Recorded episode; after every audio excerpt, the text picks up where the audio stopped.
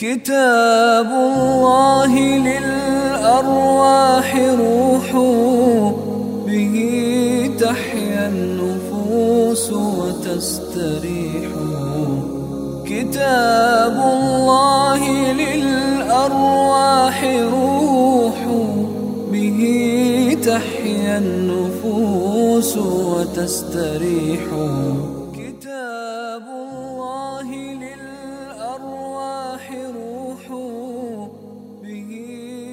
بسم الله الرحمن الرحيم. الحمد لله رب العالمين. وصلى الله وسلم وبارك على سيدنا ونبينا محمد وعلى آله وصحبه أجمعين. حياكم الله أيها الإخوة الكرام أيتها الأخوات الكريمات في هذا الدرس. التعليق على تفسير الإمام عبد الله بن عمر البيضاوي رحمه الله تعالى. وقد وصلنا في الدروس السابقة آه، وهي عشرون درسا إلى الآية آه، الثامنة عشرة ربما وهي قوله تعالى صم بكم عمي فهم لا يرجعون في وصف المنافقين. وكنا علقنا على كلام الإمام البيضاوي رحمه الله في الآيات السابقة والتي تحدث الله سبحانه وتعالى فيها عن أوصاف المنافقين.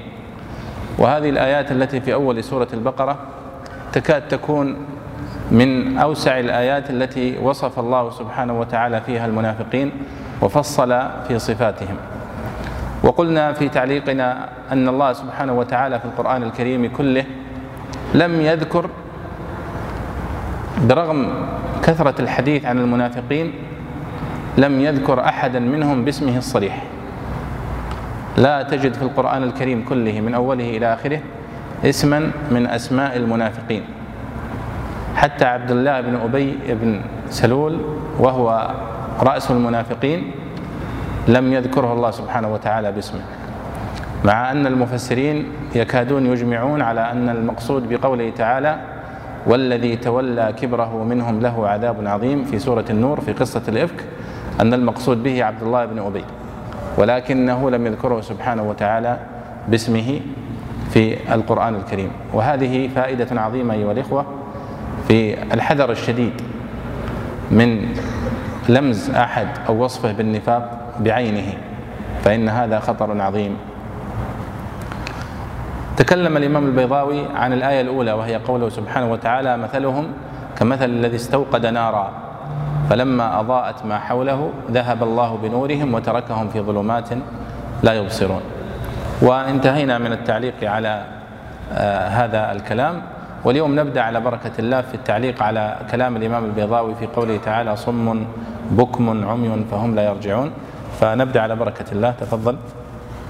الحمد لله رب العالمين والصلاة والسلام على نبينا محمد وعلى آله وصحبه أجمعين اللهم صل لنا ولشيخنا وللحاضرين قال الإمام البيضاوي رحمه الله في قول الله تعالى صلوا بكم لما سد مسامعهم عن الإساءة الحق وأبوا أن ينطقوا به ألسنتهم ويتبصروا الآيات بأبصارهم جعلوا كأنما ألفت مشاعرهم وانتبهت قواهم كقول صم إذا سمعوا خيرا ذكرت به وإن ذكرت بسوء عندهم أليم وكقول أصم عن الشيء الذي لا أريده وأسمع حمد الله حين أريده وإطلاقها عليهم على طريقة التمثيل لا الاستعارة الأخرى أن يقوى ذكر المستعار له بحيث يمكن حمل الكلام على المستعار منه لولا القرينة كقول زهير لدى أسد شاف السلاح مقدس له لبد أظفاره لم تقلم لم تقلم من ثم ترى المفلقين السحرة يضربون عن توهم التشبيه صرحا كما قال ابن تمام الرائي ويصعد حتى يظن الجهول بأن له حاجة في السماء. وها هنا ويروي ذكره بهذه لكنه في حكم المرغوب به. ونظير أسد علي وفي الحروب عامة فأخاء تنفر من صفير الصابر. هذا إذا جعلت الضمير للمنافقين على أن الآية لك التمثيل ونتيجته؟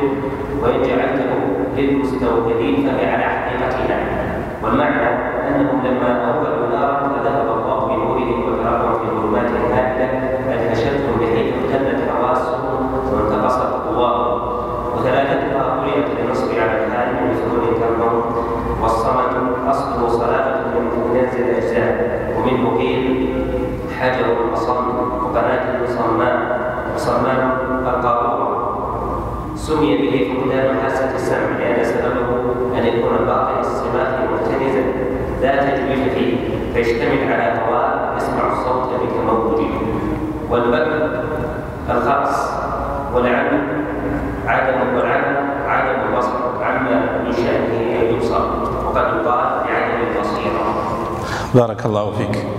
إذا الإمام البيضاوي هنا يعلق على قوله تعالى صم بكم عمي فهم لا يرجعون فيقول لما سدوا مسامعهم أي هؤلاء المنافقون سدوا مسامعهم عن الإصاخة إلى الحق الإصاخة يعني الاستماع والإنصات إلى الحق.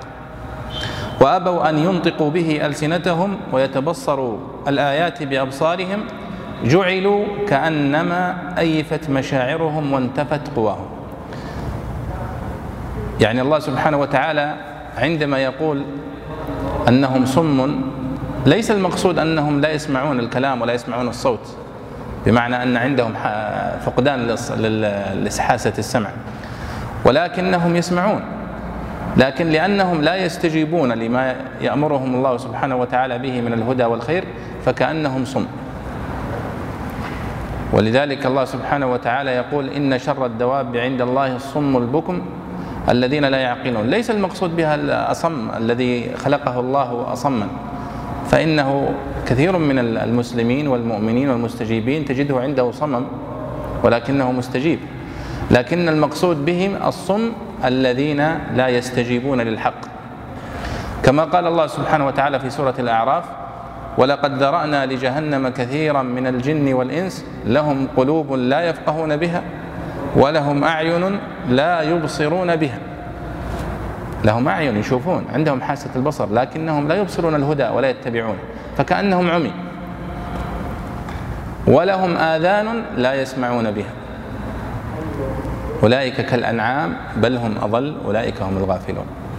فهنا يقول كأن الله سبحانه وتعالى عندما لم يستجيبوا للهدى ولم يستمعوا له كأنما أيفت مشاعرهم يعني عدمت. كان ما عندهم مشاعر أصلا ولا عندهم سمع. وانتفت قواهم. كقول الشاعر وهو قعنب بن أم صاحب الشاعر الجاهلي يقول صم إذا سمعوا خيرا ذكرت به وإن ذكرت بسوء عندهم أذنوا. يعني يصف بعض الناس الحساد الذين حوله يقول إذا ذكرت بخير كأنهم لا يسمعون. صم. لكن إذا ذكرت بشر يركزون. قال وإن ذكرت بسوء عندهم أذنوا. يعني أنصتوا واستمعوا من شدة كرههم له. وكقول الشاعر الآخر أصموا عن الأمر الذي لا أريده وأسمع خلق الله حين أريد. يعني أنا إذا أردت أني أسمع الشيء ركزت وسمعت. وأما الشيء الذي لا يعجبني كأنني لم أسمع شيئا. فهذا هو معنى الآية. ولذلك يقول البيضاوي وإطلاقها عليهم على طريقة التمثيل. وليس الاستعارة لأن من شرط الاستعارة أن يطوى ذكر المستعار له بحيث يمكن حمل الكلام على المستعار منه لولا القرينة. هذا مصطلح بلاغي عند البلاغيين. مصطلح الاستعارة ومصطلح التمثيل والاستعارة أنواع. فمثلا هنا عندما يتمثل بقول زهير بن أبي سلمى الشاعر الجاهلي بقول زهير وهو يمدح رجلا يقول لدى أسد شاك السلاح مقذف له لبد أظفاره لم تقلم. هذه كلها من أوصاف الأسد. لدى أسد يعني عند أسد شاك السلاح. شاك السلاح يعني حاد السلاح. وسلاح الأسد هي أنيابه ومخالبه. شاك السلاح يعني حاد السلاح. مقذف.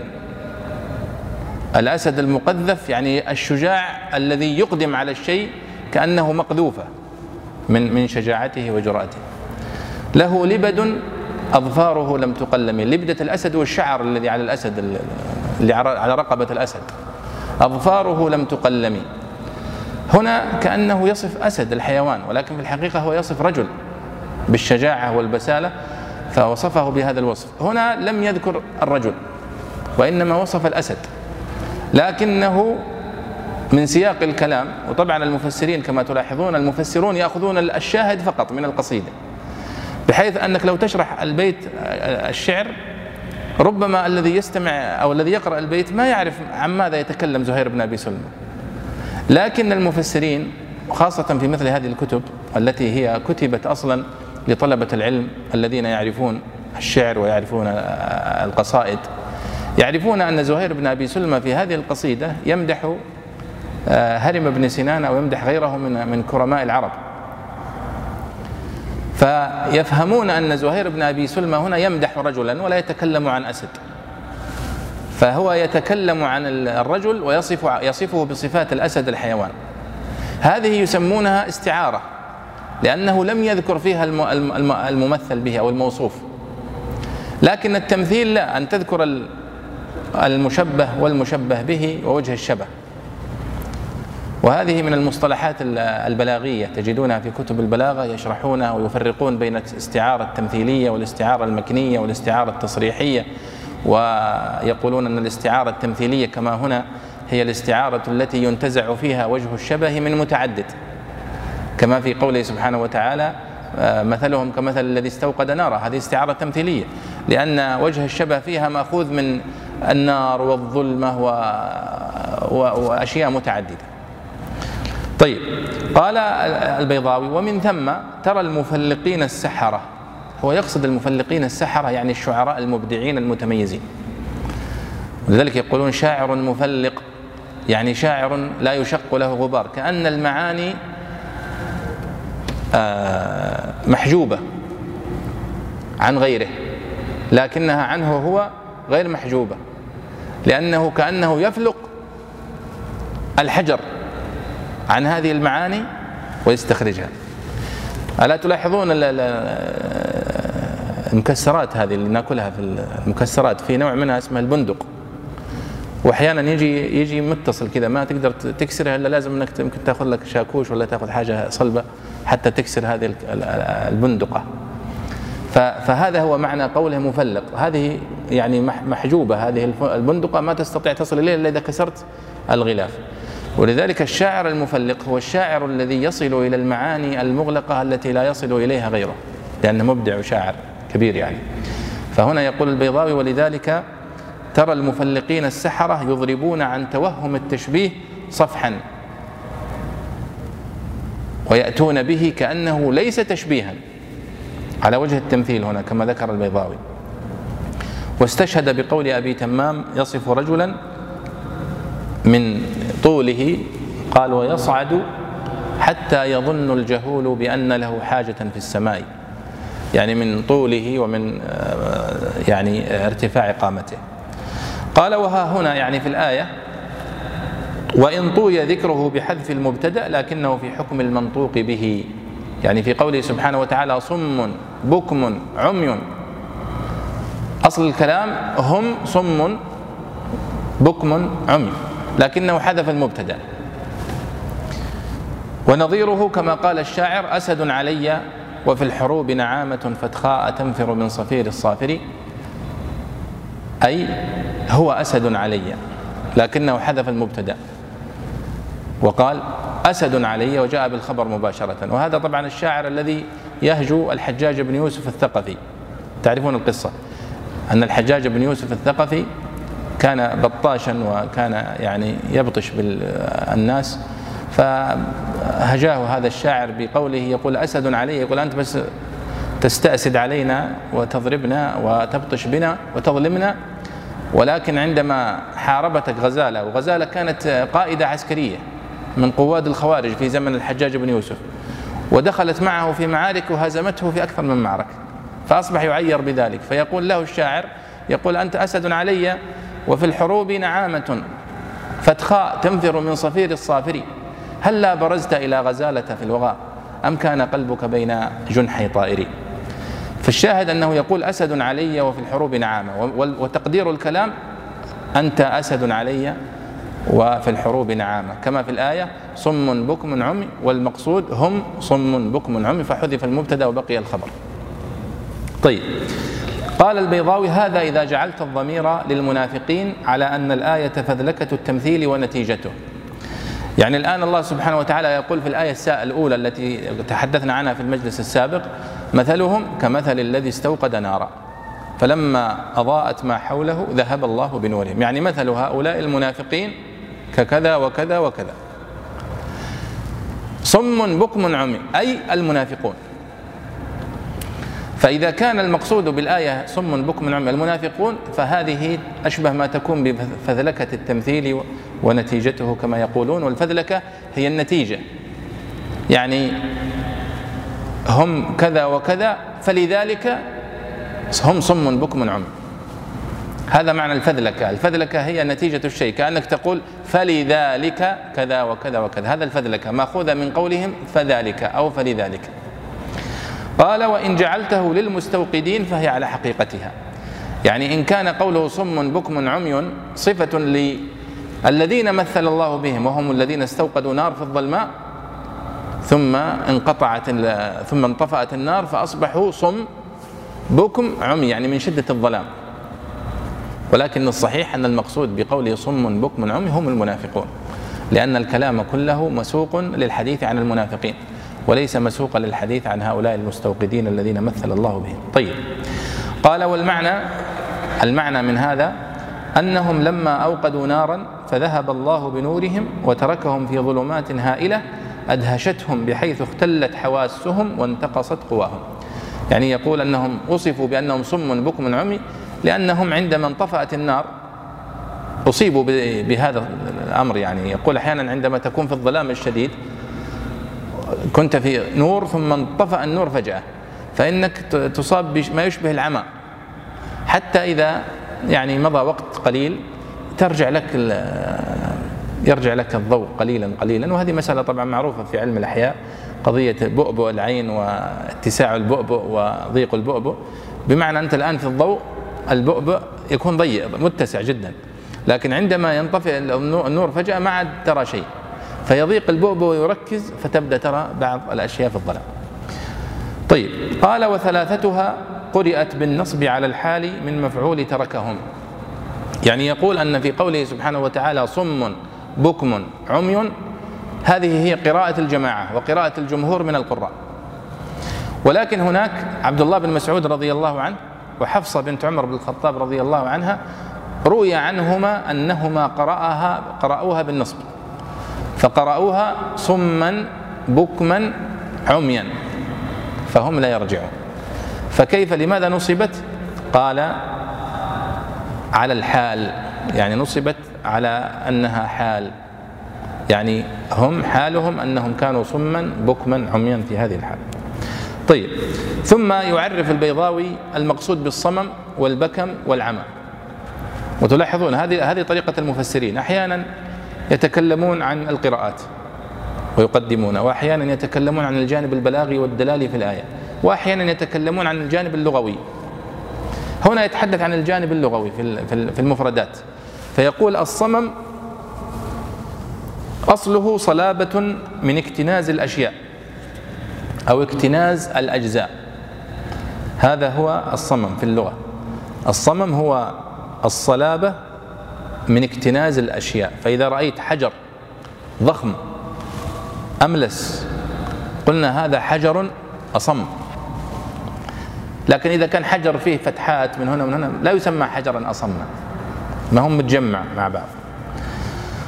قال ومنه قيل حجر أصم وقناة صماء. القناة الصماء هي القناة الصلبة التي ليس فيها تجويف. وصمام القارورة. الآن القارورة عندما تغلق القارورة هل تغلقها بشيء فيه فتحات ولا تغلقها بشيء أصم؟ يعني بحيث أنه يسد الفتحة تماما. فيسمى صمام لأنه كأنه حجر أصم كما يقول. سمي به لماذا سمي الصمم بهذا الاسم؟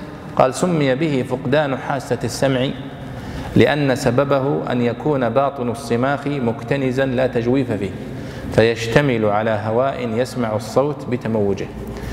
هيا شوفوا الآن البيضاوي رحمه الله متى توفي؟ 685 هجرية صح؟ وطبعا الطب في ذلك الوقت ما لم يكن متطورا كما هو حال الناس اليوم. الآن ما هو سبب الصمم يا ترى؟ الآن الحمد لله نحن نسمع الكلام. كيف نسمع الكلام؟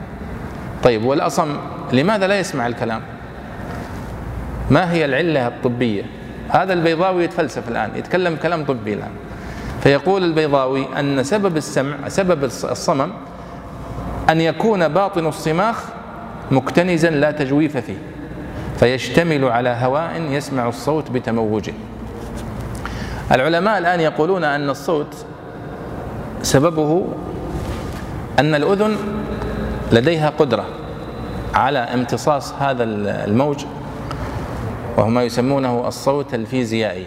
يعني شوفوا الآن ولله الحمد المنة وهذه من نعم الله علينا. كيف الإنسان يتكلم وأنتم تسمعون بسهولة وتفهمون؟ كيف ينتقل الصوت؟ قالوا الآن الصوت له ثلاثة أنواع. الصوت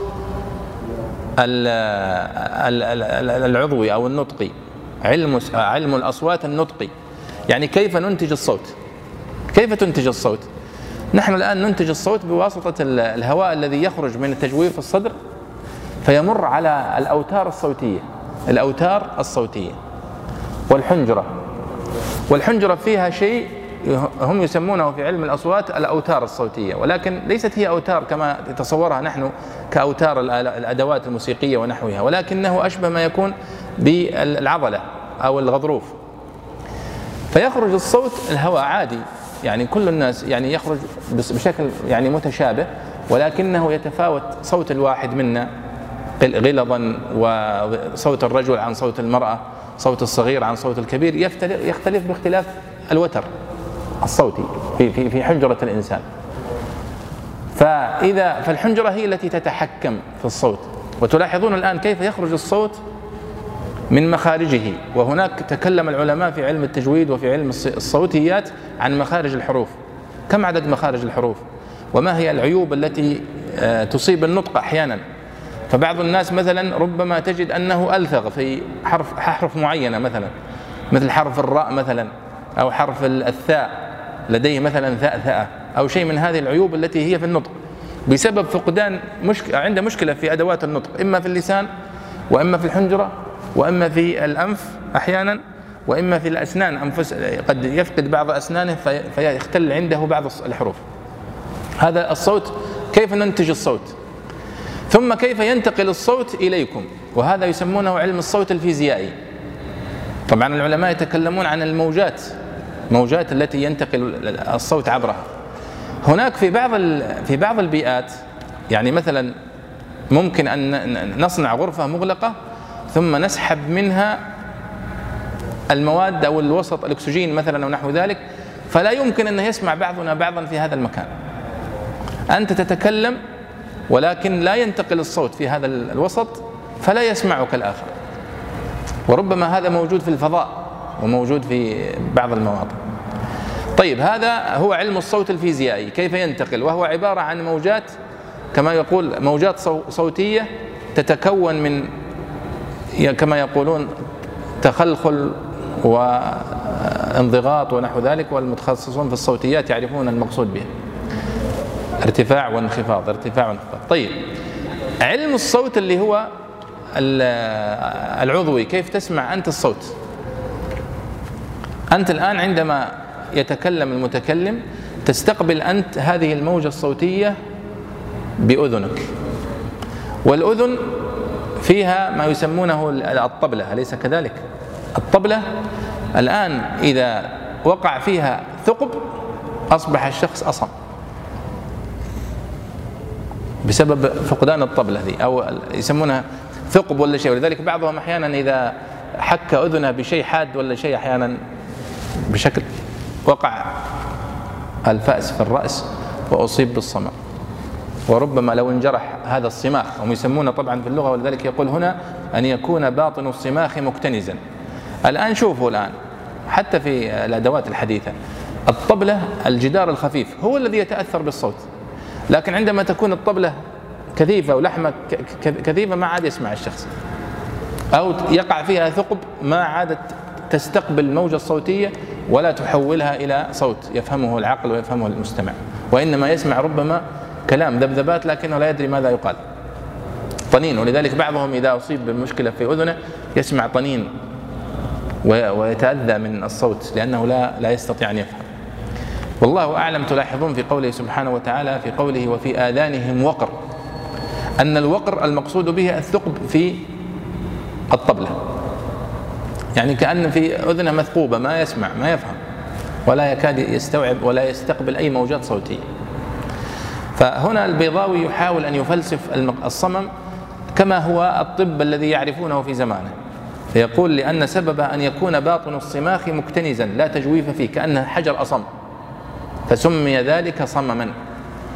فيشتمل على هواء يسمع الصوت بتموجه.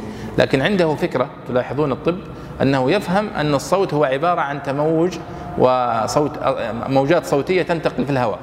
وهذا تعتبر معلومة مهمة في ذلك الوقت. طيب. قال والبكم والبكم والصحيح أنه البكم يعني بفتح الكاف وليس بسكون الكاف. والبكم الخرس يعني عدم القدرة على الكلام. ويقال للشخص أبكم إذا كان ولد هكذا لا يتكلم. ومن لوازم أن يكون الشخص أبكم أن يكون أصم. في العادة يعني لأنه يكون أصم وبالتالي يكون أبكم لأنه لا يستطيع أن يسمع ويتعلم ولذلك لا يعرف كيف يكرر. ولذلك اخترعوا لهم الآن طريقة لغة الصم والبكم وهي لغة الإشارة. فيصطلحون على يعني إشارات معينة يعرفون يتفاهمون بينهم بها. قال والعمى عدم البصر عما من شأنه أن يبصر وقد يقال لعدم البصيرة. يعني يقول البصر هو أو العمى عدم القدرة على الإبصار للشيء الذي من عادته أن يبصر. يعني مثلا الآن هل أنتم الآن ترون الجراثيم التي في الجو؟ ما نراها. لكن لو جئنا بمثلا آه، مكبر أو ميكروسكوب يكبر لنا الجو الذي أمامنا الآن لرأينا من الجراثيم الصغيرة والميكروبات ربما يقول الإنسان كيف أعيش وهذه موجودة في الجو والهواء الذي أتنفسه. لكن يقولون في البصر هو عدم القدرة العمى هو عدم القدرة على الإبصار لما من شأنه أن يبصر. يعني مثلا الكاميرا مثل المسجد مثل هذا المصحف مثلكم أنتم الآن. خلاص أنت يمكن تشوفه لكن الأشياء التي لا يمكن أن يراها الإنسان بطريقة عادية هذا لا يقال إنك والله أنت أعمى لأنك ما تشوف الجراثيم اللي في الجو.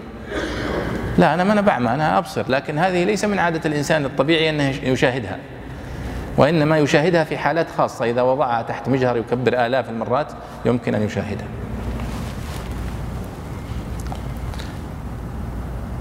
فهذا هو يعني تعليق على كلام البيضاوي. تفضل. في قوله فهم لا يرجعون فهم لا يرجعون لا يعودون إلى الهدى الذي باعوه وضيعوه أو على الضلالة التي اشتروها أو فهم أو فهم متحيرون لا يدرون يتبدلون ام يتأخرون قيل ان ابتدأوا منه كيف يرجعون والفاء للدلاله على أن اتصافهم بالاحكام السابقة سبب لتغييرهم واقتباسهم. نعم.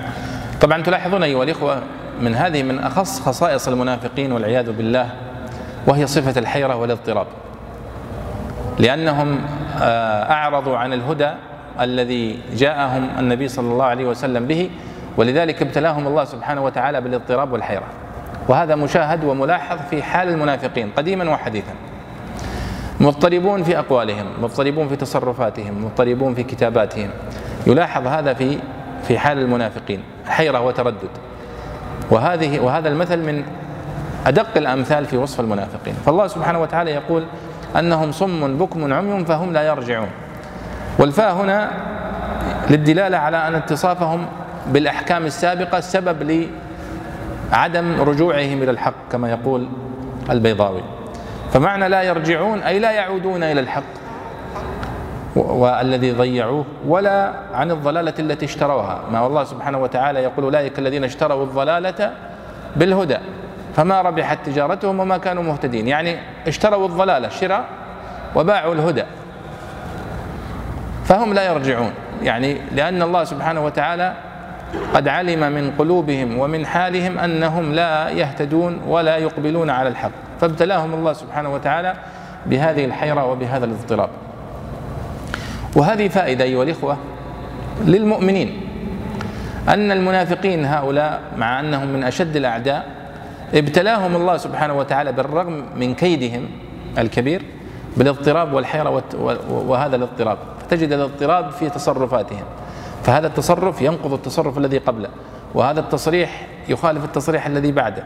بالرغم من أنهم يمكرون مكرا كبارا لكنهم لوقوعهم في هذا النفاق وبعدهم عن الحق وصدهم عن سبيل الله يعني يقعون في طوام كبيرة جدا لا يستطيعون الفرار منها. وهذه نعمة من نعم الله على المؤمنين لكي يكشف هؤلاء المنافقين ويفضح هؤلاء المنافقين.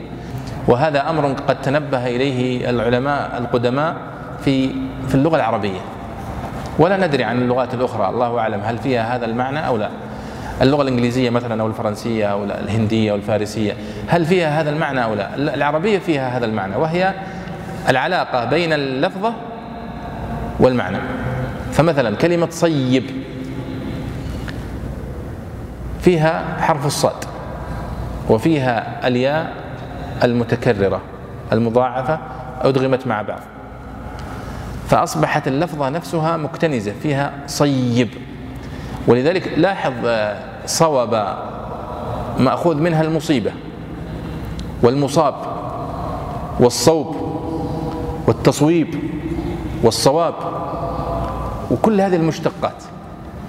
فبناؤها يدل على هذا المعنى. فالله سبحانه وتعالى سمى الصيب صيبا كأنه مطر غزير كثيف جدا كأنه رصاصة تنطلق من السماء فتصيب موضعها من الأرض. ما تنحرف لا يمين ولا يسار. وكذلك يسمى المصيبة. المصيبة كأنها رصاصة تنطلق فتصيب المصاب لا تخطئه فسميت مصيبة. والله سبحانه وتعالى سمى الموت مصيبة لأن الموت ما يخطئ هدفه. فقال فأصابتكم مصيبة الموت. وهكذا. فهو يقصد هنا في قوله والبناء يعني بناء اللفظة وبناء المفردة يدل على معناه. وهذه تكاد تكون مضطردة في اللغة العربية. لو تأملت في اللغة العربية تجد فيها هذا المعنى. فمثلا إذا زلزلت الأرض زلزالها. ألا تلاحظون في كلمة زلزل معناها؟ لأن معناتها الزلزلة الاضطراب. اضطراب الأرض إذا زلزلت الأرض. حتى لو ما كنت تعرف أنت أن معنى الزلزلة اضطرب ربما تهتدي إليه وتقول والله أنا ما أدري وش معنى زلزلة في العربي لكن زلزلة حتى اللسان نفسه زلزلة ومثلا آه، آه، بربر ونحو آه، ذلك.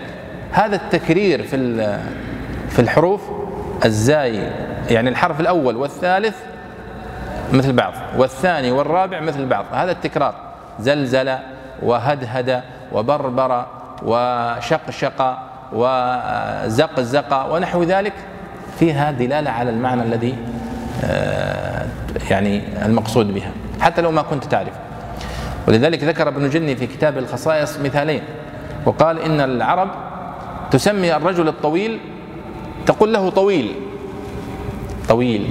فإذا كان فارع الطول يعني أطول من المعتاد قالوا هذا رجل طوال. لاحظوا الفرق بين طويل وطوال. حتى في اللفظة فيها مد طوال. ولذلك عندما قال عمر بن الخطاب في الخطبة آه إن يعني لماذا كان الثوب الذي على عبد الله بن عمر على عمر بن الخطاب سابغا؟ قالوا وكان عمر رجلا طوالا. قال أخبرهم يا عبد الله بن عمر. فأخبرهم أنه قد أعطى نصيبه لوالده فأصبح سابغا. قال البيضاوي هنا والتنكير يعني من حيث أن أول شيء اللفظة نفسها تدل من حيث الأصل على آه على هذا المعنى وهو الإصابة ثم من حيث البناء ثم من حيث التنكير يعني تنكيرها في سياق الكلام كصيب دلت كل هذه على الدلالة المقصودة بمعنى أنه صيب غزير آه، جدا. وقيل المراد بالسماء السحاب فاللام لتعريف الماهية. طيب. نكمل يا شيخ. قال تعالى فيه ظلمات ورعد وبرق يريد بالصيب المطر فظلماته وظلمة فظلماته. ظلمة به وتتابع الفقر وظلمة ظلامه مع ظلمة الليل وجعله مكانا للوعد والبرق لأنهما في أعلام والحجره ملتبسين به ملتبسين به ونريد به السهاب فظلماته سحمته وتطبيقه مع ظلمة الليل وارتفاعها بالبرق مطلقا لأنه معتمد على موصوف والرعد صوت يسمع من السهاب والمشهور أن سببه اضطراب أجرام السهاب واصطكاكها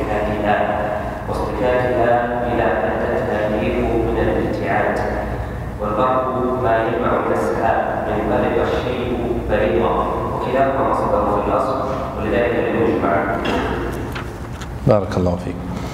فيه ظلمات ورعد وبرق. نحن الآن انتهينا من كلام البيضاوي على الصيب. والبيضاوي يقول الصيب إما أن يكون المطر وهذا هو الراجح.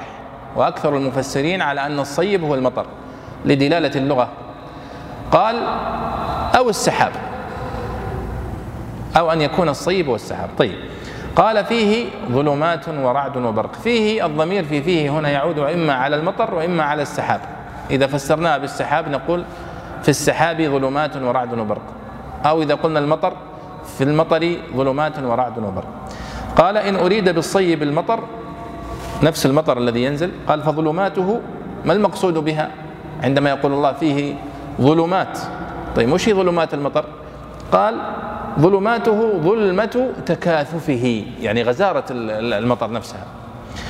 بتتابع القطر وظلمة غمامه مع ظلمة الليل. يعني إنه يكون مطر ويكون فيه غمام أصلا الغمام اللي هو السحاب وهو يغطي الشمس فيكون له ظل في الأرض مع غزارة المطر مع ظلمة الليل. هذا المقصود بظلمات المطر. قال وجعله مكانا للرعد. يعني هذا المطر فيه ظلمات ورعد. طيب هل الرعد مكانه المطر الذي ينزل ولا نحن نسمع الرعد من السحاب الذي في السماء؟ نحن نقول أننا نسمع الرعد من السحاب الذي في السماء وليس من المطر نفسه الذي ينزل. قال وجعله مكانا للرعد والبرق لأنهما في أعلاه ومنحدره ملتبسين به. يعني يقول أن الرعد يكون في أعلى المطر في السحاب الذي فسمي كأنه فيه وفيه طبعا للظرفية. في من من دلالاتها للظرفية فتقول مثلا في يوم كذا وكذا يعني في داخل هذا الزمن. أو في البيت إذا قل أين فلان؟ قال في البيت يعني أنه داخل هذا البيت داخل الظرف. أو إذا قلت والله الرسالة في السيارة السيارة يعني داخل هذا الظرف ونحو ذلك.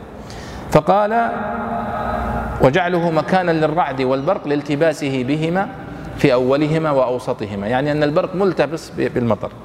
قال وإن أريد به السحاب. يعني قلنا الصيب والله هو السحاب. فيكون معنى قوله فيه ظلمات ورعد وبرق يعني في السحاب. فظلمات السحاب قال سحمته. وسحمته المقصود بها سواده لأن الأسحم في اللغة الأسود. وتطبيقه مع ظلمة الليل. سحمته وتطبيقه.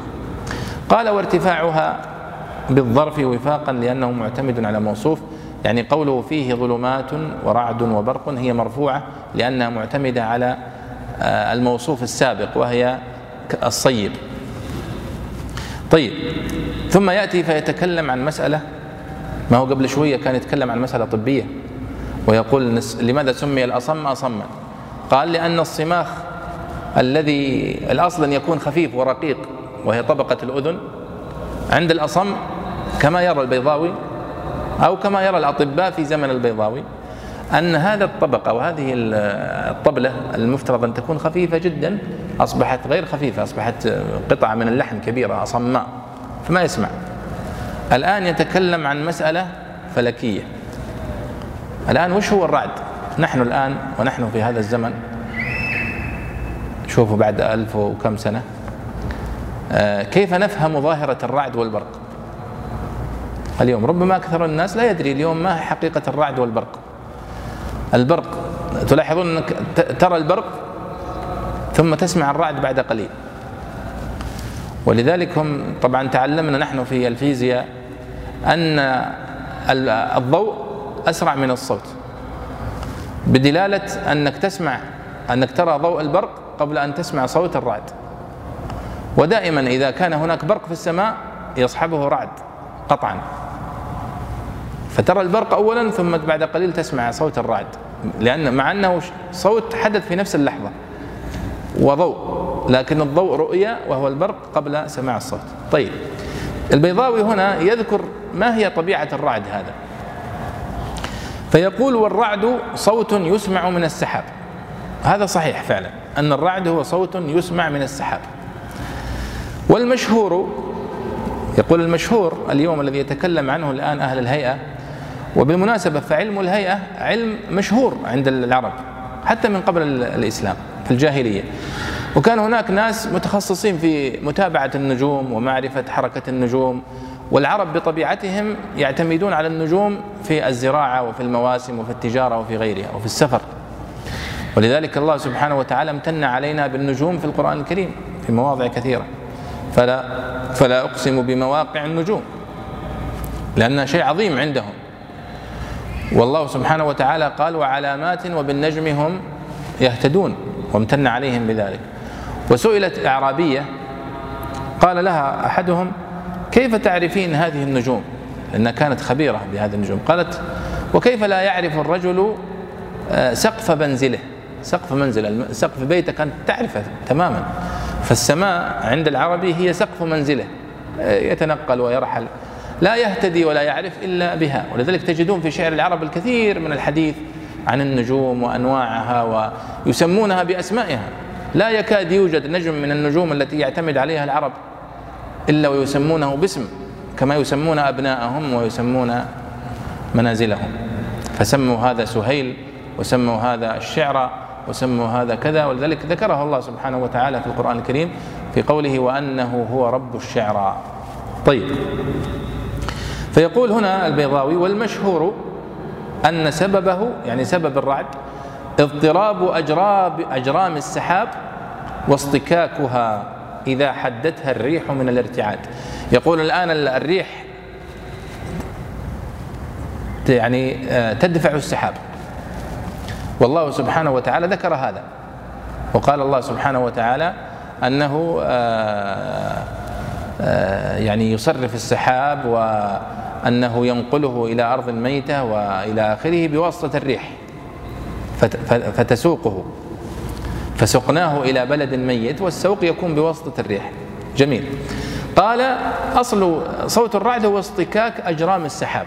يعني السحاب أجزاء بعضها مع بعض منه تضرب في بعضها فينتج عنها هذا الصوت اللي هو صوت الرعد. وطبعا هذا هو التفسير الفيزيائي المشاهد أو الذي تكلم عنه حتى العلماء اليوم بواسطة المختبرات. لكن هناك تفسير لذلك هو يقول هنا والمشهور. هناك تفسير مروي عن الصحابة رضي الله عنهم أن الرعد هو صوت ملك. صوت ملك من الملائكة. بصوته يسوق السحاب بصوته. وهذا يتكلم عنه المفسرون وبعضهم يصحح هذا الحديث وبعضهم يضاعف هذا الحديث. ولذلك البيضاوي هنا أخذ بالقول الثاني وقال والمشهور في معنى في الرعد أنه اصطكاك السحب بعضها مع بعض فتنتج هذا الصوت. إذا حدتها الريح من الارتعاد قال والبرق ما يلمع من السحاب من برق الشيء بريقا وكلاهما مصدر في الأصل ولذلك لم يجمع. طبعا تفسير الرعد كما ذكر البيضاوي أنه اصطكاك بعض الأجرام في السحاب فينتج هذا الصوت. وكذلك ينتج هذا الضوء وهو الشرارة التي تسمى برقا. طيب.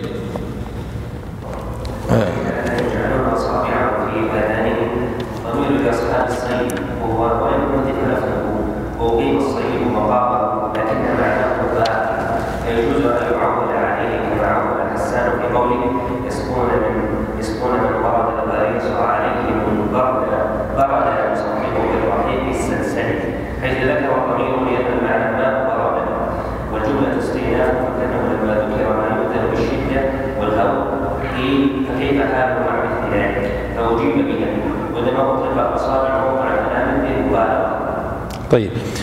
آه طبعا هنا يقول يجعلون أصابعهم في آذانهم. يعني الله يقول أو كصيب من السماء. بالمناسبة يا اخوان إذا في أحد عنده سؤال أو شيء يكتبه أنا طلبت اليوم أنهم يوزعون علينا أوراق. يعني من اراد أن يكتب سؤالا في التفسير أو في اللغة أو في أي يعني ما نتحدث عنه فيكتبه. نجيب عنه بعد الأذان في الدرس. الضمير لأصحاب الصيب في قوله يجعلون أصابعهم في آذانهم. يعني لاحظوا الآن تركيب الآية. يقول الله أو كصيب من السماء. يتكلم عن المطر. فيقول أو كصيب من السماء. فيه ظلمات ورعد وبرق يجعلون أصابعهم. يجعلون. من هم يجعلون؟ أنت تقول كصيب. مما يدل على أنه عندما قال أو كصيب يقصد أصحاب الصيب هذول الناس الذين يتم الحديث عنهم الذين أصيبوا بهذا المطر. وليس المقصود المطر نفسه. ولذلك عندما قلنا في أولها قال أو كصيب قال أو ذوي صيب. طيب هذه واحدة. فيقول الضمير في يجعلون أصابعهم لأصحاب الصيب. قال وهو وإن حذف وإن حذف لفظه وأقيم الصيب مقامه لكن معناه باق. فيجوز أن يعول عليه كما عول حسان بن ثابت رضي الله عنه عليه في قوله يسقون من برص من برد من ورد البريص عليهم برد يصفق بالرحيق السلسلي. طبعا هذه قصيدة من أجمل قصائد حسان بن ثابت رضي الله عنه وقد قالها في الجاهلية. آه، يمدح فيها الغساسنة لأنهم كانوا أصدقاء له. فيقول يسقون الغساسنة طبعا هم كانوا عايشين في دمشق كما تعلمون قبل الإسلام ودمشق مشهورة بالنهر نهر بردة الذي في دمشق في غوطة دمشق. فيقول يسقون من ورد البريص عليهم بردا. طيب هم يسقونه من ماء بردا ولا يسقونه بردا كله؟ أو النهر. فهو يقول يسقون من ورد البريص عليهم بردا يصفق بالرحيق السلسلي. فمعنى البيت يسقون من جاءهم ضيفا من ماء بردا. لكنه حذف كلمة ماء وأبقى النهر كما قال الله سبحانه وتعالى يجعلون أصابعهم في آذانهم. فحذف لم يذكرهم في أول الحديث أو كصيب من السماء معنى المقصود أو أصحاب صيب. حيث ذكر الضمير لأن المعنى ماء بردا والجملة استئناف فكأنه لما ذكر ما يؤذن بالشدة والهول قيل فكيف حالهم مع مثل ذلك؟ يعني الله سبحانه وتعالى ذكر شدة كصيب من السماء فيه ظلمات ورعد وبرق. فواحد يقول طيب كيف وضع الناس الذين تحت هذا الصيب وهذا المطر؟ قال آه مثلهم إلى آخر يجعلون أصابعهم في آذانهم. آه البيضاوي بعد أن تحدث الآن عن آه قوله يجعلون أصابعهم في آذانهم تلاحظون أنه في أول الآية ما ذكر الأشخاص وإنما ذكر الصيب المطر. فقال أو كصيب من السماء فيه ظلمات ورعد وبرق. فكأن سائلا سأل فكيف حال هؤلاء الناس؟ فقال الله سبحانه وتعالى يجعلون أصابعهم في آذانهم من الصواعق حذر الموت. ثم تكلم البيضاوي عن مسألة بلاغية. الله سبحانه وتعالى يقول في الآية يجعلون أصابعهم في آذانهم. طبعا الأصابع هي الأصابع كاملة أصابع اليدين. لكن الذي يضع الإنسان في أذنه عندما يسمع صوتا أو نحو ذلك يضع رأس الأصابع فقط أو رأس الأنامل. طيب ماذا يقول الله؟ يجعلون أصابعهم في آذانهم. فذكر ما قال يجعلون رؤوس أصابعهم؟ طيب لماذا يقول يجعلون أصابعهم؟ هذه مسألة بلاغية.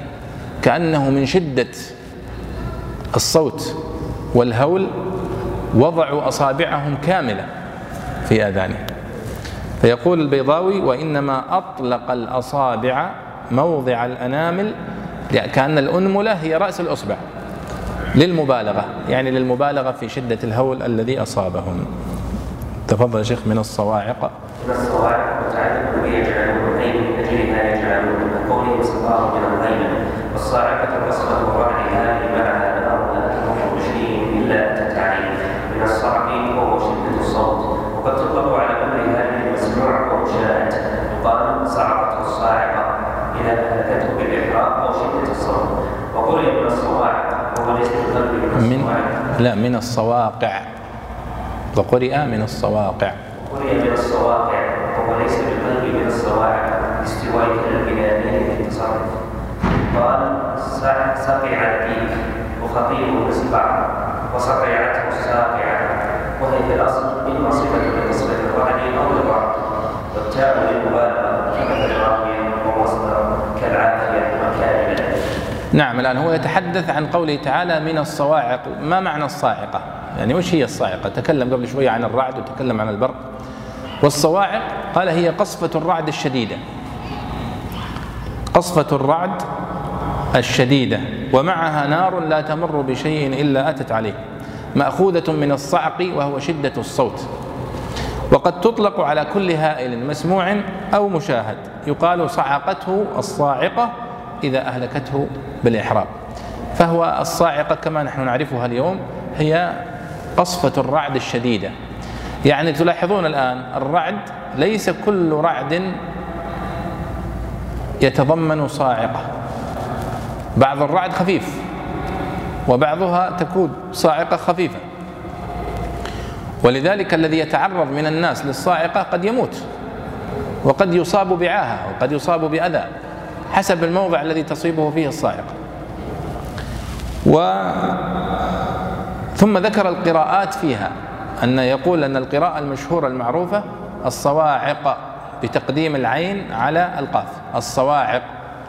وهناك قراءة شاذة من الصواقع يجعلون أصابعهم في آذانهم من الصواقع حذر الموت. فالعرب تسمي هذه الصاعقة التي تأتي من السماء تسميها صاعقة وتسميها صاقعة. كلاهما صحيح. فيقول وليست الصواعق آه، من باب القلب بمعنى أنها الصواعق قلبت أو قدمت لا يقول هي بنائين مختلفين بنائين مختلفين لكن العرب تستخدمها. فتسمي هذا الرعد القوي القاصف الذي يصيب آه، بالأرض تسميه صاعقة وتسميه صاقعة. والتاء للمبالغة. التاء في قوله الصاعقة للمبالغة. مثل إذا قالوا إذا قالوا مثلا هذا رجل علامة. علامة هي صيغة مبالغة. علام. والتاء للمبالغة لأنها علامة هي مؤنثة الصفة لكن يوصف بها الرجل. فيقال هذا رجل علامة فهامة ونحو ذلك. فالتاء للمبالغة فيقول أن الصاعقة التاء فيها للمبالغة كما هي في علامة وفهامة ونحوها. طيب. قوله تعالى ذكر الموت نصب على الذكر قوله واغفر عوراء الكريم انتهارا وأصبحوا عن شتم اللئيم تكرما. والموت زوال الحياة. وقيل عرض وضوابطها بقوله خلق الموت والحياة ورد بان الخلق بمعنى التقدير طيب. حذر الموت يتكلم عن إعراب قوله سبحانه وتعالى حذر الموت. يعني الله سبحانه وتعالى يقول يجعلون أصابعهم في آذانهم حذر الموت. طيب ما هو إعراب حذر الموت؟ شوفوا يا شباب عشان تركزون وتفهمون أسلوب المفسرين. البيضاوي يقول حذر الموت نصب على العلة. طيب لو سألتكم الآن ماذا يقصد البيضاوي؟ يقول نصب على العلة. مع أنه إعراب معروف نعرفه جميعا. نعرفه حتى الطلاب المتوسط والثانوي يعرفون المقصود به. حذر الموت أنه مفعول لأجله. يعني الآن لو جئنا نقول حذر حذر مفعول لأجله منصوب علامه نصب الفتحه الظاهره على آخره. لكن البيضاوي يقول هنا نصب على العلة. هذا مصطلح من مصطلحات النحويين يستخدمونه أحيانا. لكن المشهور المعروف مفعول لأجله. ويقول هنا نصب على العلة والمفعول لأجله هو العلة يعني مفعول لعلته أو لأجله. كقوله والشاعر وهو الشاعر حاتم الطائي وأغفر عوراء الكريم ادخاره. يعني يقول أنا أغفر عوراء الكريم ادخاره. ما المقصود بعوراء الكريم؟ يعني زلة الرجل الكريم. والعوراء الزلة والكلمة النابية. ولذلك يمدحون الرجل بأنه لا ينطق العوراء. يعني ما يتكلم بالكلمة القبيحة. لكن يقول حاتم الطائي أحيانا إذا وقع بعض الناس الكرام في زلة فإنني أتغاضى عنها وأغفرها. لماذا يا حاتم؟ قال أريد أني أستبقي المعروف اللي بيني وبينه. فيقول وأغفر عوراء الكريم ادخاره. يعني رغبة في ادخاره وفي حفظ الود معه. وأصفح عن شتم اللئيم تكرما. أصفح يعني أعرض عن شتم اللئيم تكرما. لاحظوا حاتم الطائي هذا في الجاهلية. ولكن هذه الأخلاق جاء الإسلام فتممها وأكدها. وإذا مروا باللغو مروا كرام. نفس المنطق الذي يقوله حاتم الطائي. والموت قال زوال الحياة. وهي عرض وقيل عرض يضادها لقوله خلق الموت والحياة ورد بأن الخلق بمعنى التقدير والأعدام مقدرة. طبعا هو يريد أن يعرف الموت. وهذه أحيانا بعض المفسرين يبالغ في التفاصيل. وإلا العربي الذي يفهم معروف الحياة ومعروف الموت. أن الموت هو زوال الحياة وخروج الروح. لكن هو يقول الموت ما هو؟ قال الموت هو زوال الحياة. طيب ما هو زوال الحياة؟ كيف يعني خروج الروح؟ وش الروح؟ ما, ما يستطيع الإنسان أن يعرفها. حتى أن الآن أجريت بحوث ودراسات ولا زالت تجرى ولكن الله سبحانه وتعالى قد استأثر بحقيقة هذه الروح. كما قال الله سبحانه وتعالى ويسألونك عن الروح قل الروح من أمر ربي وما أوتيت من العلم إلا قليلا. وهذا إشارة أيها الإخوة إلى أن الناس من قديم مشغولون بمعرفة حقيقة الروح. من قديم. يبحثون يعني ما هو سر هذه الروح؟ كيف الإنسان إذا نام يفقد الشعور بمن حوله؟ هل الروح تخرج منه أثناء النوم أم تبقى؟ ولذلك الله سبحانه وتعالى يقول فيمسك التي قضى عليها الموت ويرسل الأخرى إلى أجل مسمى. فبعض المفسرين يقول هذه الروح. طيب كيف يتنفس الإنسان وهو نائم بحيث أنك لو أيقظته فجأة استيقظ. هذه من الأسرار التي استأثر الله سبحانه وتعالى بمعرفتها وعلمها. ولا يستطيع البشر مهما أوتوا أن يصلوا إلى هذه الأسرار التي حجبها الله سبحانه وتعالى. البيضاوي هنا يقول يحاول أن يفلسف المقصود بالموت عندما يقول الموت هو زوال الحياة. وقيل هذا من الأقوال التي ذكرها الفلاسفة عرض يضادها. يعني الآن الحياة وش هي الحياة؟ قلنا والله الحياة هي الروح والحركة والانتقال ومدري التنفس. أجل الموت هو عرض يضادها. ضد هذه الأشياء عدم التنفس وعدم الحركة وعدم الانتقال وخروج الروح. لماذا يقولون أنه عرض يضادها؟ يعني أنه شيء مخلوق مثلها يعني الموت والحياة. ليس الموت هو زوال الحياة وإنما هو شيء يقابلها. قال لأن الله سبحانه وتعالى قال خلق الموت والحياة فوصف الموت بأنه مخلوق. والأعدام ليست مخلوقة كما يقول. إذا قلنا أنه زوال الحياة. طبعا هذه مسألة من مسائل علم الكلام التي لا ننتفع بها. لأننا نحن الآن أنت كعربي تريد أن تفهم القرآن الكريم تفهم مقصود بالآية قال حذر الموت. يعني خوفا من الموت. يريدون أن يبقوا على قيد الحياة. فهذا هو معنى كلام البيضاوي. والله محيط بالكافرين. قال تعالى الله محيط بالكافرين لا يملكون كما لا يملكون المخاطبين لا يحسن الشجاع والسير والجمله اعتراضية لا محل لها.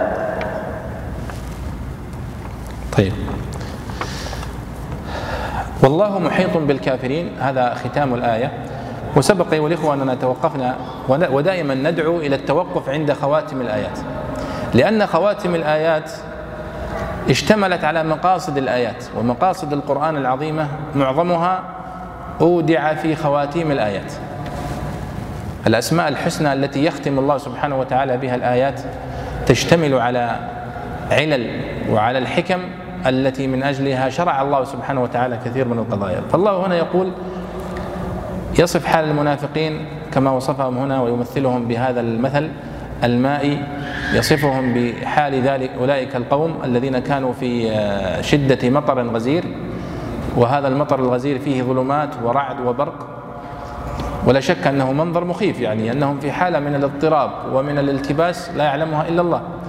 فيه ظلمات ورعد وبرق يجعلون أصابعهم في آذانهم من الصواعق حذر الموت. ثم يقول الله سبحانه وتعالى تذييلا لهذا التشبيه وهذا المثل الذي ضربه الله للمنافقين. قال والله محيط بالكافرين. والإحاطة هي الإطباق على الشيء. فمحيط الدائرة يسمى محيط الدائرة محيطا لأنه يطبق عليها تماما. فهي إشارة إلى عدم فواتهم. ولذلك آه، الله سبحانه وتعالى يقول ولا يحسبن الذين كفروا سبقوا إنهم لا يعجزون. ولا يفوتونه قال كما لا يفوت المحاط به المحيط لا يخلصهم الخداع والحيل والجملة اعتراضية لا محل لها من الإعراب. طبعا البيضاوي آه، دائما يعني يذكر فوائد في النحو ويذكر فوائد في البلاغة ويذكر فوائد في أصول الفقه ويذكر فوائد في علم الكلام. تتخلل الكلام المفسر. وهذه من صفات كتب التفسير.